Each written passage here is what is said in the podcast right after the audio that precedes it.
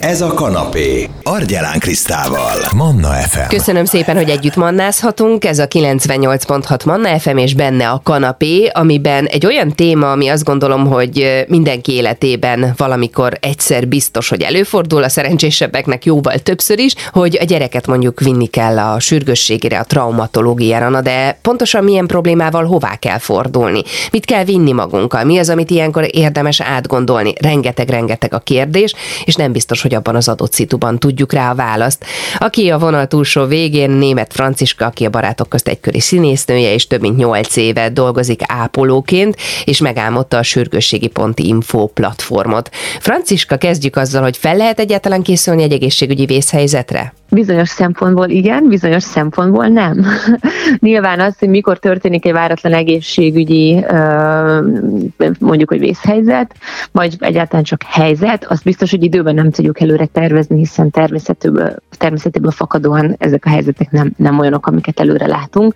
Azzal viszont fel tudunk készülni, hogy ha és amikor bekövetkezik egy ilyen, akkor mik azok a, a logikus és világos lépések, amiket meg tudunk tenni, és hogyha tudjuk, hogy ezeket nagyjából hol keressük, hogyan csináljuk, mert mindjárt mondok egy konkrétabb példát is, akkor azzal megkönnyíthetjük a, a dolgunkat. Ugye itt a kulcs az mindig, bár nem vagyok pszichológus, tehát távol álljon tőlem, hogy ezen a téren okosakat ö, ö, mondjak, de, de azért egyet mégiscsak megpróbálok, ugye, hogyha irányítás irányítás van a kezünkben, tehát hogyha tudunk mit tenni aktívan cselekvően az adott helyzetben, ami egyébként mindig kiszolgáltatott, tehát egy egészségügyi probléma esetén mindig kiszolgáltatottak vagyunk, azáltal, hogy van egy kis kontroll a kezünkben, sokkal jobban tudjuk megélni ezeket a helyzeteket, ezért érdemes előre készülni.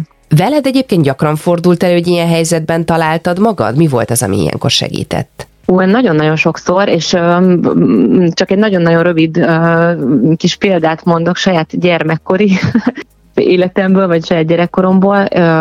Én amikor iskolás korú voltam, akkor elég rossz gyerek voltam, és viszonylag sok balesetem volt, de nem ilyen drámai dolgokra kell gondolni, csak olyanokra, amikor össze kellett varni egy sebet, vagy be kellett gipszelni valamit.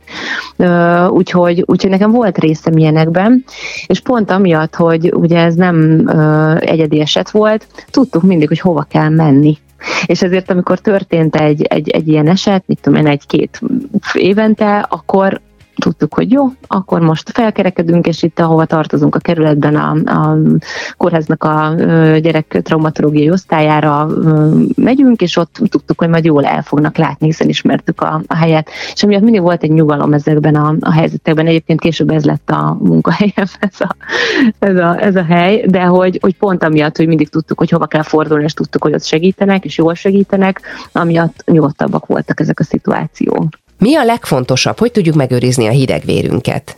Én nagyon-nagyon hiszek a kommunikációban, pályaváltóként kerültem egyébként az egészségügybe, és a kommunikáció területéről jöttem, ezért pontosan tudom, hogy az első benyomás az milyen gyorsan megtörténik, és mennyire nagyon fontos, ugye gyakorlatilag 80% az másodpercek alatt kialakul az emberben, hogy az adott helyet biztonságosnak érzi-e, vagy nem. És ellátóként az a, az a nagyon nagy kihívás szerintem nyilván a, a szakmai ö, maximalizmus mellett, hogy a kommunikációban is ö, a topon legyünk, tehát mondjuk a, a, köszönés, az nem mindegy, milyen, de egy olyan helyzetben, hogyha egy szülő a sérült gyerekét behozza hozzánk hiszen hogyha én kedves, megnyugtató hangon mondom azt, hogy jó estét kívánok, akkor, akkor már az is önmagában olyan bizalomépítő tud lenni, hogy az, az már is hűti ezt az egész rendszert.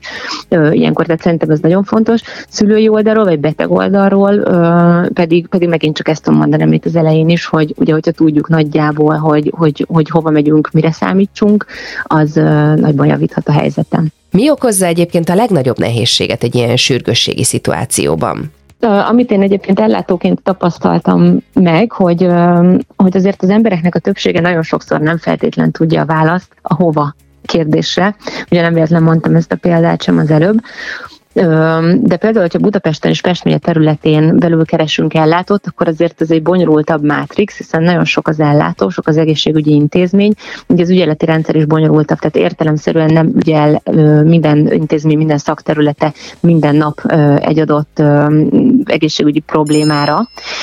Például mondjuk hiába van sok-sok személyzeti osztály, személyzet ügyelet az változó, hogy melyik napon, milyen intézményekben van ezzel kapcsolatban, és akkor itt talán jöhet egy kis kis, kis önreklám, de hogy van egy ügyeletkereső weboldal, amit létrehoztunk egyébként ellátó kollégákkal, és hát sok-sok partnerrel közösen, ahol pontosan ügyeleteket lehet keresni az adott napra. Tehát nem, nem gondolom azt, hogy betegnek feltétlen feladata egy 70 oldalas ügyeleti beosztást átböngészni, a megfelelő ellátót megtalálja, és a gyakorlat az bizonyította, hogy ez probléma is volt bizony sokaknak, sőt a legtöbbeknek, és akkor így született meg a korábbi kommunikációs tapasztalat, és a későbbi egészségügyi ellátói tapasztalat ötvezetéből egy, egy ügyeletkereső weboldalnak és betegedukációs weboldalnak a, a, a gondolata hogyha egy ilyet használunk, akkor ez például segítség lehet, hiszen akkor tudom, hogy itt meg tudom nézni, hogy hol van ügyelet, és hogy tudom, hogyha baj van, akkor itt egy mm,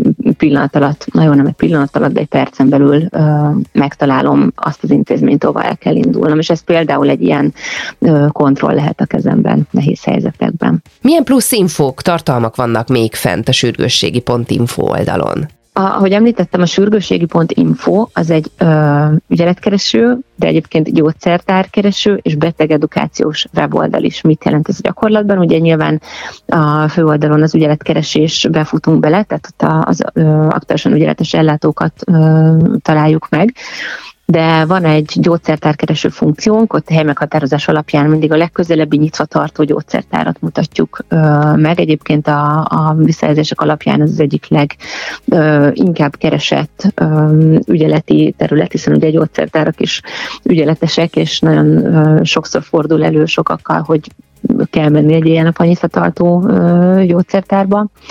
És a harmadik funkciója a weboldalnak az a beteg edukáció, ami tudom, hogy rémesen hangzik, de mégis arra szolgál, hogy a beteg oldalon mm, rendelkezünk olyan adekvát információkkal, ami alapján tájékozott döntést tudunk hozni, akár egészségügyi hirtelen fellépő problémák esetén is itt, amire nagyon-nagyon törekedtünk, hogy ez ne egy ilyen unalmas, átláthatatlan, száraz szakszövegekkel és kifejezésekkel dúsított tájékoztatás legyen, hanem korszerű, érthető nyelvezetű, átlátható és könnyen befogadható. Úgyhogy hát reméljük, hogy majd az idő bizonyítja azt, hogy ez tényleg sikerült, mi tényleg nagyon erre törekedtünk. Mi egyébként a leggyakoribb kérdés, ami felmerül bennünk egy vészhelyzetben, amire nem árt tudni a választ? Nem egy, inkább több ilyen gyakori kérdés van, ami, ami eszembe jut, de ami például egy ilyen nagyon-nagyon tipikus, a traumatológiai ügyeletek, azok jellemzően az egyik legnagyobb forgalmú ö, ügyeletek, tekintettel arra, hogy nyilván sok kisebb és nagyobb háztartási baleset sportbaleset, mm, játszótéri baleset fordul, fordul elő.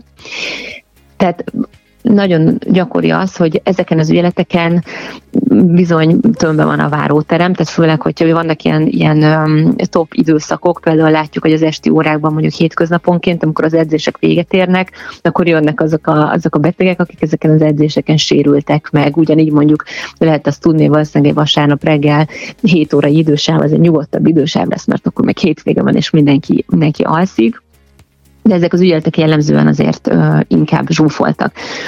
Itt az, hogy, hogy, hogy, hogy várni kell, ez nehezen értelmezhető beteg oldalról, mert nekem fáj a bokám, fáj az ujjam, fáj a, a, a bármi, amivel oda, oda mentem, és nyilván dühítő az, hogy, hogy mondjuk behívnak előttem másokat. És itt például hasznos lehet azt tudni, hogy ez nem egy érkezési sorrendben ö, történő ellátás, ö, soha egy ö, egészségügyi, egészségügyi ügyeleti ellátás, hanem a probléma súlyossága alapján, szigorú szakmai szempontok alapján meghatározott sorrend szerint történő ellátás. És hogyha ezt el tudom fogadni, nem az a jó nekem bizony, hogyha ha nyílik az ajtó, és azonnal szaladnak az ellátók, hogy a gondos kezeik közé ö, kerüljek, hanem, hanem várnom kell adott esetben ö, akár egy-két órát is, az, az, az lehet, hogy igazából a jobbik forgatókönyv, hiszen nyilván ezeken a helyeken aki azon ellátást igényel, az azonnal bekerül a, a, az egészségügyi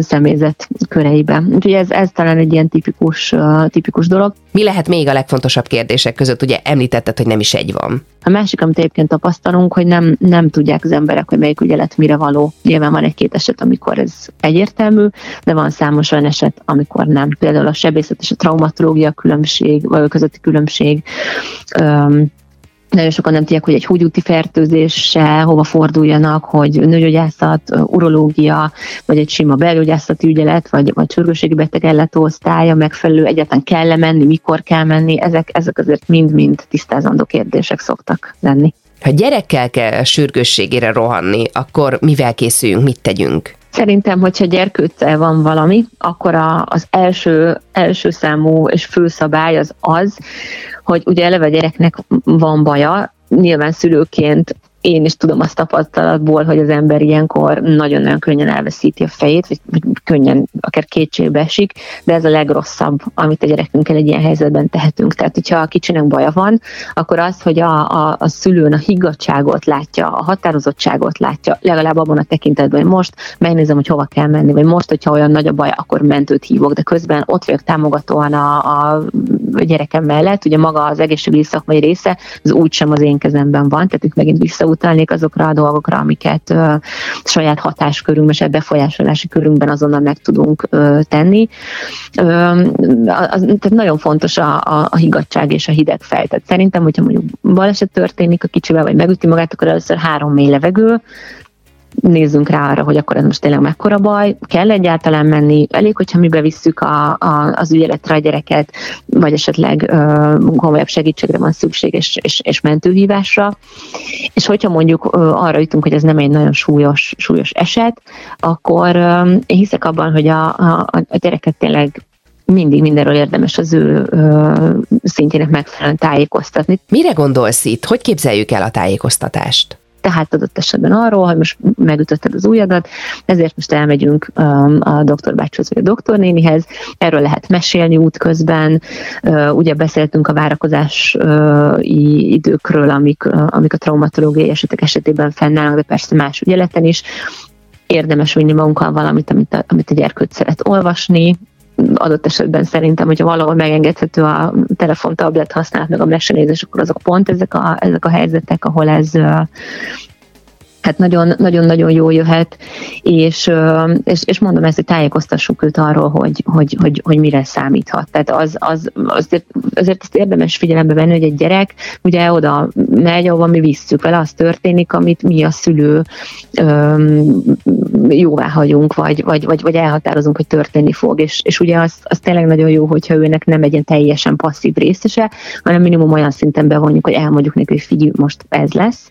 És ugye még, ami nagyon fontos, és ezt szintén ellátó oldalról tapasztalom, tehát tényleg ez, ez, ez is egyébként nyilván ilyen általános érvényű, hogy a gyerek az mindig nagyon figyel, figyeli az arcokat, figyeli a nonverbális jelzéseket, akaratlanul is, tehát erre vannak ö, programozva, és mondjuk azt, hogy milyen a, a szülő és az ellátó közötti interakció, az neki nagyon-nagyon sokat mondó, hogyha ő azt látja, hogy amennyire lehet a szülő ebben a helyzetben laza, és látja azt, és azt is közvetíti, hogy az ellátóban megbízhatnak mind a ketten, a szülő is, meg a gyerek is, biztos, hogy sokkal együttműködőbb lesz a, a, a gyerek a, az ellátás során az ellátókkal. Nyilván könnyebb itt azokban az esetekben, amikor nem fáj a vizsgálat, nincsen olyan beavatkozás, csak ugye ez a meghallgatja a doktornéni a ö, tüdődet, vagy, vagy, vagy szóval nem, nem ezek a fájdalmas beavatkozások vannak, de még a nehezebb esetekben is a jó kommunikáció, tényleg csak ezt tudom itt is hangsúlyozni, az nagyban megkönnyítheti mindenki dolgát. Nagyon szépen köszönöm német Franciskának, aki abszolút beavatott bennünket a sürgősségi ellátás menetébe a másik oldalról is, hiszen német Franciska azok után, hogy a barátok közt egykori színésznője volt,